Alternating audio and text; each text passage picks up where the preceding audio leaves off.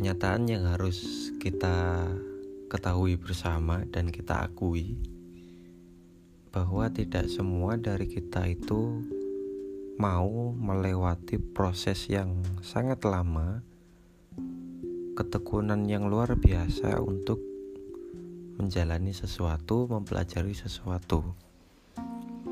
Kita kan sukanya yang instan-instan ya, yang cepat jadi, yang bagus tapi murah dan juga cepat dan juga awet. Kita akan protes ketika sesuatu itu di luar ekspektasi kita yang egois. Kita itu memang naif karena kita menginginkan sesuatu yang instan.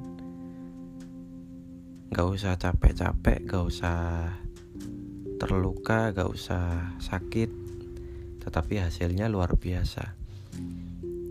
Saya pikir itu sesuatu yang mustahil ada di dunia ini karena itu bukan bukan sesuatu yang berdasarkan hukum alam. Logika dasar kita kalau kita itu menginginkan buah yang lezat, yang manis, yang bebas dari hama dan kualitasnya bagus, maka pertama kita harus mencari tempat yang subur dengan pengairan yang cukup, cuaca yang tepat, dan seterusnya. Itu bukan sesuatu yang mudah dilakukan. Kalau kita menanam tanaman sembarangan, tidak kita urusi, dan seterusnya, maka yang terjadi buahnya juga tidak akan semanis atau berkualitas seperti yang diperhatikan betul. Bahkan ada sebuah fenomena unik di daerah rumah saya. Itu ada kan ada jalan gitu ya, jalan. Terus di pinggir jalan raya itu ada pohon jagung, tanaman jagung Nah, ketika malam kan jalan itu kan diterangi oleh ya, cahaya lampu itu tadi lampu yang gede itu warnanya kuning. Nah, entah kenapa yang kena sinar langsung dari lampu tersebut tanaman jagung ini tumbuhnya itu lebih lebih cepat lebih cepat dan otomatis daripada yang lain itu tingginya itu lebih tinggi gitu jadi katakanlah kalau kalau jagung normal itu tingginya misal 170 cm lah. Tetapi kalau terkena sinar itu terus menerus dia sampai 2 meter lebih. Artinya ada perbedaan yang sangat mencolok dari yang terkena cahaya dengan yang tidak. Tetapi yang perlu dipahami di sini buahnya ini rasanya beda. Jadi ada semacam perbedaan yang sangat mencolok. Bagi yang cepat tumbuh itu tadi yang terkena sinar lampu pinggir jalan dengan yang hanya mendapatkan sinar matahari. Tingginya berbeda tingginya lebih tinggi yang kena sinar tetapi buahnya ini terasa hambar. Dan ini salah satu fenomena yang cukup menarik untuk dibahas dalam ranah uh, biologi sebenarnya. Cuma dalam podcast ini saya tidak ingin bahas itu. Saya ingin bahas mengenai yang instan dan yang proses. Berproses secara lama, berproses secara tekun dan sabar. Ini adalah cerita masa kecil saya. Waktu itu masa kecil saya itu kan ketika habis maghrib. Itu pasti saya sama anak-anak kampung yang seumuran atau yang lebih muda atau yang lebih tua itu ngaji di masjid ngaji Al-Quran. Di situ ada beberapa orang tua kita yang sudah stay di sana jadi kita tinggal ngambil Al-Quran atau apa itu untuk pelajaran kita duduk antri untuk ngaji ke beliau. Jadi saya ngaji sama abah saya sendiri di masjid. Lalu ada kelompok-kelompok lain yang diampu oleh ustadz yang ada di sana. Waktu itu saya masih kecil banget ya masih kecil banget gitu. Dan saya memulai ngaji belajar membaca Al-Quran itu dari nol. Nol beneran nol menggunakan ikro jadi ikro itu kan ada tujuh jilid. Jilid pertama ya alif ba ta sa dan seterusnya. Alif fathah a dan seterusnya. Jilid kedua naik jilid ketiga naik. Jadi ada step by step dari yang paling mudah sampai yang paling sulit yaitu jilid 6 baru habis itu saya baru diizinkan oleh abah saya menuju juz amma baru ke juz 1 yaitu Al-Qur'an. Jadi waktu itu saya saya benar-benar dari dasar ya, dari dari nol. Dan itu lama banget. Jadi abah saya itu kan tegas. Karena beliau itu harus benar tajwidnya, makhorijul hurufnya, panjang pendek dan seterusnya itu beliau sangat ketat. Jadi kalau saya ngaji ikro halaman itu tidak benar saya baca, saya tidak akan naik. Berbeda dengan teman-teman sebaya saya atau yang lain itu ngaji kepada ustadz sebelah selain abah saya itu ngajinya langsung pakai Al-Quran gitu. Jadi saya itu kalau ngaji pakai ikro ikro itu buku kecil gitu paling seukuran buku saku pramuka gitu kecil. Dan ya namanya buku dasar ya jadi isinya juga kayak gitu. Kalau kita lihat itu gak nggak keren gitu kalau kalau dalam pandangan anak ngaji pada waktu itu tetapi mereka yang selain ke saya itu ngajinya itu langsung pakai Al-Quran. Ada yang dari juz 30 amma ya tasalun dan seterusnya.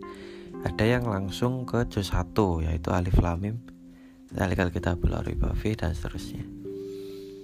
Saya waktu itu iri serius dalam pandangan saya bahwa Al-Quran itu keren gitu.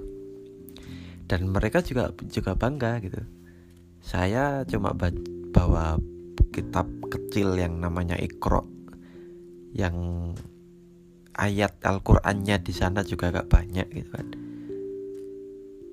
Tapi mereka bawa Al-Qur'an, bawa mushaf yang begitu keren dilihat dalam pandangan kita. Saya apa ya? Saya juga juga merasa iri gitu. Kok mereka kok bisa boleh langsung Al-Quran tapi saya kok harus dari bawah dulu gitu kan saya juga pengen bawa Al-Quran saya juga pengen langsung baca gitu tapi apa saya ini benar-benar ketat dan tidak mengizinkan saya melakukan jalan pintas saya kalau nggak salah khatam ikro itu kelas 6 MI kalau SD ya. Berarti saya membutuhkan bertahun-tahun sangat lama benar-benar lama untuk menuntaskan bacaan ikro saya. Dari masuk SMP saya baru masuk ke juz amma atau juz 30 dan itu pun juga lama sekali jadi berbulan-bulan bagi saya untuk menyelesaikan satu juz bahkan kalau nggak salah sampai satu tahun gitu baru masuk ke juz satu.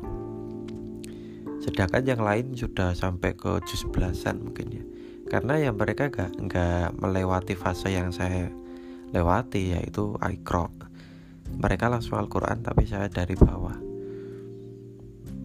Saya berpikir apakah dari bawah ini perlu. Apakah jalan pintas itu sesuatu yang nggak baik? Ataukah selama ini saya dibohongi oleh apa saya sendiri gitu? Saya saya sempat memikirkan seperti itu. Maka akhirnya setelah itu saya ke pesantren ya belajar agama di pesantren dan saya menghafal Al-Quran dan seterusnya bertahun-tahun kemudian saya pulang. Dan biasanya saya pulang itu waktu Idul Fitri. Atau uh, tujuh hari sebelum Idul Fitri. Akhirnya saya sempat ikut tadarus di masjid. Nah di sinilah saya itu baru tahu maksud daripada belajar itu dari bawah. Jadi saya masih ingat betul siapa-siapa yang dulu waktu saya kecil itu ngajinya langsung ke Al-Quran.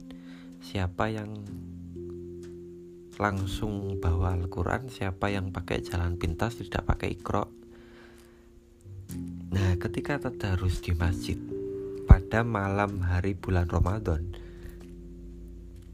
bacaannya ini benar-benar berbeda dengan saya yang memulai proses dari bawah yang memulai proses dengan tekun dan sabar. Ini ini benar-benar sesuatu yang membuat saya itu berpikir ulang gitu. Jadi dulu saya itu iri kepada mereka yang langsung bisa pakai Al-Quran gitu. Tetapi bertahun-tahun setelah itu, bacaan mereka itu ternyata sama sekali kalau saya katakan itu sama sekali kurang lah, kurang, sangat kurang. Tajwidnya kurang, panjang pendeknya juga kurang. Makhorijul hurufnya juga gak fasih gitu. Berbeda dengan saya atau santri-santri yang ngaji ke abah saya. Yang kalau gak bener gak naik, harus bener-bener betul dalam semua aspek harus kol-kolahnya harus ceto kalau orang Jawa bilang panjang pendeknya itu berapa alif itu kita harus tahu. Proses yang diaplikasikan oleh abah saya kepada saya dan teman-teman yang ngaji kepada abah itu benar-benar proses yang sangat rumit.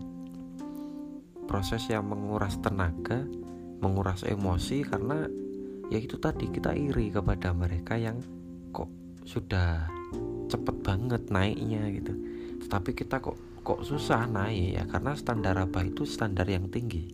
Tetapi bertahun-tahun setelahnya saya membandingkan bacaan saya yang lebih lancar yang lebih enak didengar yang lebih fasih dalam makhorijul huruf dan seterusnya. Tetapi mereka teman-teman saya yang dulu langsung ke Al-Quran nggak mau via ikro nggak mau dari bawah bacaan mereka ternyata sama sekali nggak mencerminkan sebagai orang yang biasa baca Al-Quran. Artinya sesuatu itu kalau kita paksakan langsung memakai jalan pintas kita gak nggak bisa melewati yang dasar gitu loh. Kita gak menguasai yang dasar dulu tetapi kita langsung naik ke yang ekspor yang level tinggi maka selamanya kita tidak akan bisa menguasai hal tersebut gitu.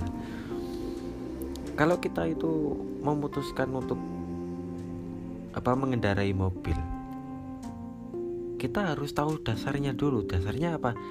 Gasnya mana ya remnya mana? Seinnya mana? Cara buka apa buka pintunya mana ini keamanan mobil ini gimana dan seterusnya. Itu kan hal-hal dasar yang harus kita ketahui dulu gitu loh. Nggak bisa kita itu langsung wer gitu. Nanti kita nggak nggak tahu rem gasnya kita nggak tahu kan. Nah kalau kita paksakan seperti itu pada akhirnya ya rugi siapa? Yang rugi ya kita diri kita sendiri. Nah proses ini juga pada akhirnya tidak mau dilewati oleh semua orang pada akhirnya saya beruntung terhadap proses yang saya jalani. Dulu saya merasa iri merasa sedih merasa terdiskriminasi. Kok saya kok kok gak boleh cepot ya? Kok saya itu kok gak boleh naik dan seterusnya. Tetapi kualitasnya ternyata saya miliki. Dibandingkan mereka yang langsung naik yang langsung memakai jalan pintas Ini saya temukan fakta yang lebih mengejutkan ketika saya masuk ke dunia perkuliahan. Banyak sekali teman-teman mahasiswa yang baca Al-Qurannya itu sama sekali belum benar. Bisa saya katakan nggak bisa baca. Ini aneh gitu loh. Dan saya tanya mbak atau mas? gitu kan. Kamu ngaji ke ke mana? gitu. kamu ngaji ke siapa mereka gak nggak nggak nggak punya nggak punya guru dan nggak punya tempat untuk ngaji. Dan pada akhirnya mereka tenggelam ke sana karena mereka menyadari bahwa mereka sudah mahasiswa sudah gede lah katakanlah. Dan mereka menganggap sudah terlambat untuk mempelajari dari dasar. Kita takut terhadap waktu kita takut ketinggalan kita takut telat. Karena ketelatan itu adalah kesalahan dari kita sendiri. Katakanlah saya sudah berumur 20 tahun dan saya belum bisa baca Al-Quran. Saya mau belajar ke siapa? Itu sudah problem. Dan kalaupun saya sudah punya guru saya malu gitu kan. Itu problem juga. Saya sudah gede tapi gak semua orang rela melepas egoisitas itu tadi. Melepas gengsi untuk belajar dari awal Padahal saya tahu bahwa saya gak becus di sini gitu loh. Saya gak punya ilmu, harusnya kan saya memulai dari nol. Terlepas umur saya gede atau sudah besar, saya harusnya kan bodoh amat gitu loh. Nggak apa-apa saya sudah tua atau saya sudah kerja atau saya sudah beristri bahkan kalau saya gak bisa baca keluar saya harus minta tolong kepada orang yang bisa mengajari saya meskipun orang yang jadi guru saya itu adalah orang yang jauh lebih muda dari saya gitu kan. Harusnya kan seperti itu. Tetapi kenyataannya mahasiswa yang saya tes bacaannya itu tadi ada sekitar belasan mahasiswa yang sama sekali gak bisa baca Al-Quran. Saya tawari mas mbak ayo belajar ke saya. Kalau saya gak mampu saya carikan guru. Apa jawaban mereka? Mereka menolak, mereka gak mau, mereka gengsi. Bagaimana kalau takdirnya diubah? Sejak kecil mereka belajar dari nol. Maka dewasanya saya jamin mereka tidak akan mengalami problem seperti itu. Tetapi bisa jadi masa kecilnya ini tidak ramah terhadap pembelajaran seperti itu. Bisa jadi mereka menolak dan memilih untuk bermain-main terus. Nyaman terus pada akhirnya ketika dewasa kita tahu siapa yang rugi siapa yang nggak bisa siapa yang malu pada akhirnya akan kalah terhadap mahasiswa atau siapa pun dari kita yang rela melepas fanatisme diri kita sendiri melepas gengsi untuk berani belajar dari nol berani capek, berani melewati step by step dengan sabar, berani mempelajari sesuatu dengan tekun tanpa tergoda terhadap sesuatu yang instan, sesuatu yang cepat, sesuatu yang lekas jadi. Bagaimana saya mengambil hikmah dari saya dan teman saya, saya yang dari nol, yang sabar mempelajari Al-Quran itu tadi, saya bandingkan sampai sekarang bacaan kami masih berbeda. Saya masih jauh lebih fasih daripada mereka yang dulu tidak mau mengambil jalan yang memulai dari dasar. Ini adalah sebuah pelajaran yang berharga yang saya alami pada waktu saya kecil dan sejak itu saya paham bahwa harusnya saya bersyukur telah memulai proses belajar dari bawah dan dengan tekun. Sejak itu saya ber, berpikir bahwa saya tidak akan pernah menolak untuk berproses dari bawah.